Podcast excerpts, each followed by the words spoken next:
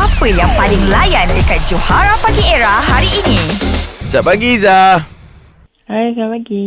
Okey, awak akan lawan dengan Iman Troy Izzah, saya bagi tahu cara permainan dia Soalan saja boleh Situasi yang saya berikan adalah Dua orang sahabat menyambut Hari Wanita Lepas bunyi loceng je Izzah akan try dulu Izzah akan start dulu Izzah, okay? Ah, Iman cakap dulu. ah. Iman start dulu Iman pun boleh start dulu Okay. Fight, fight, fight. Iza, you pergi mana esok? Ah, dah ada idea ke nak pergi mana?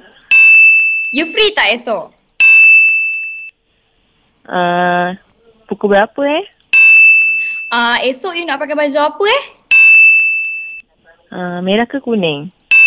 Kalau uh, you free, boleh tak kalau kita pergi uh, satu tempat yang best? You nak tak?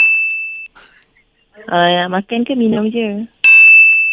Uh, macam okay kalau uh, you suka tak makan aiskrim? Ah, kalau makan pizza or nasi ke?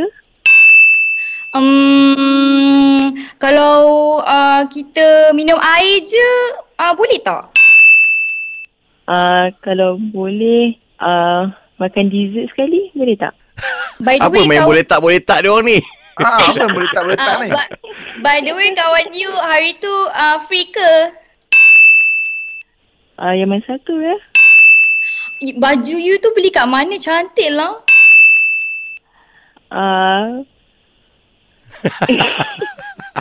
Okey, awak dah sangkut kat situ Izzah Awak kena Apa- apa- umumkan Apa eh? Awak kena umumkan Iman Troy, you win Silakan Izzah Iman Troy, you win.